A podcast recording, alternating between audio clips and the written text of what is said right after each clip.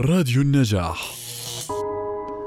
نزل صراحة فكان يجيني إنه أنتي من شاب لشاب وإنه أنتي مش مخلي حدا ومن هاي القصص أول سؤال أنا تعرضت للابتزاز خلال الفصل الصيفي أو خاصة شهر سبعة لشهر ثمانية نوعا ما.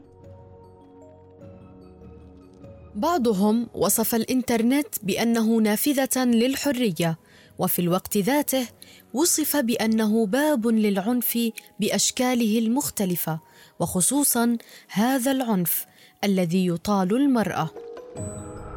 للعنف الإلكتروني لابد من وضع آليات تربوية وأخلاقية ودينية للحد من انتشاره بين الأفراد.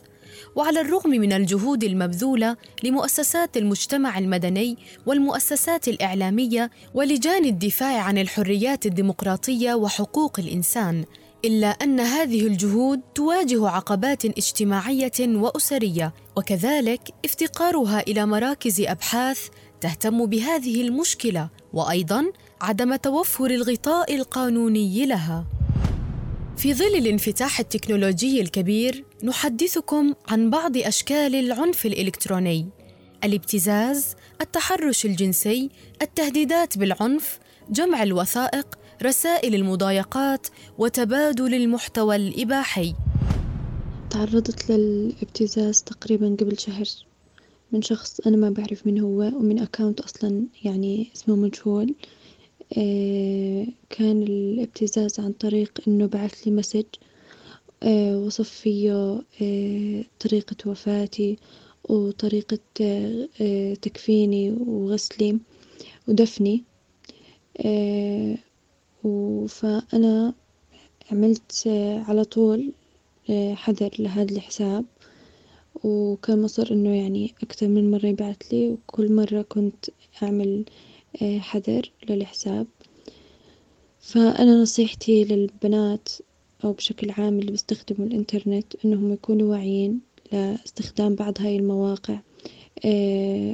برضو إنه ما يتعاملوا مع أي شخص خلال الإنترنت أو عبر مواقع التواصل الاجتماعي. وبرضو نكون واعيين مع الأشخاص اللي إحنا قاعدين بنتعامل معاهم نحكي معاهم.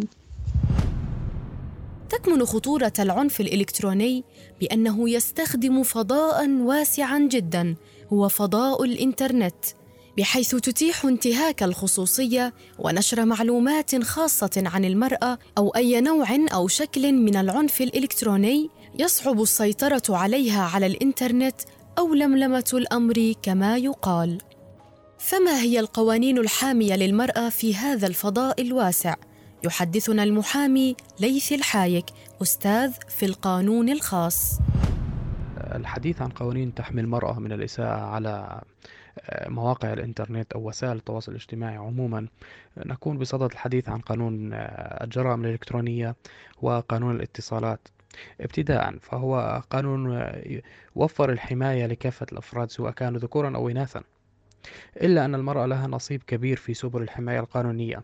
على سبيل المثال ودون الحاجة للإطالة آه، هناك معاهدة سيداو وهي تفقيت القضاء على جميع أشكال التمييز ضد المرأة.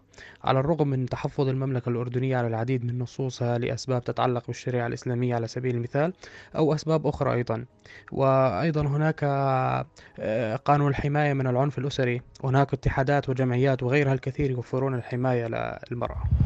وسائل التواصل الاجتماعي أشبه بساحة يمارس فيها العنف والتنمر ضد النساء وملاحقتهن بوسائل التحرش الحديثة المظلمة والتي اخترقت أبواب وحيطان المنازل ودخلت خلف أقنعة مزيفة وأسماء مستعارة وهمية أتاحت لصاحبها فرصة الجرأة أكثر دون كشف حقيقة اسمه وصفته.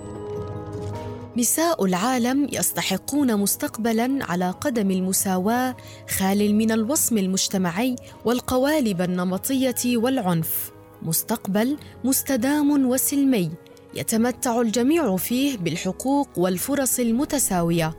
وحتى يتحقق ذلك نحتاج أن نضمن وجود النساء على كافة طاولات صنع القرار.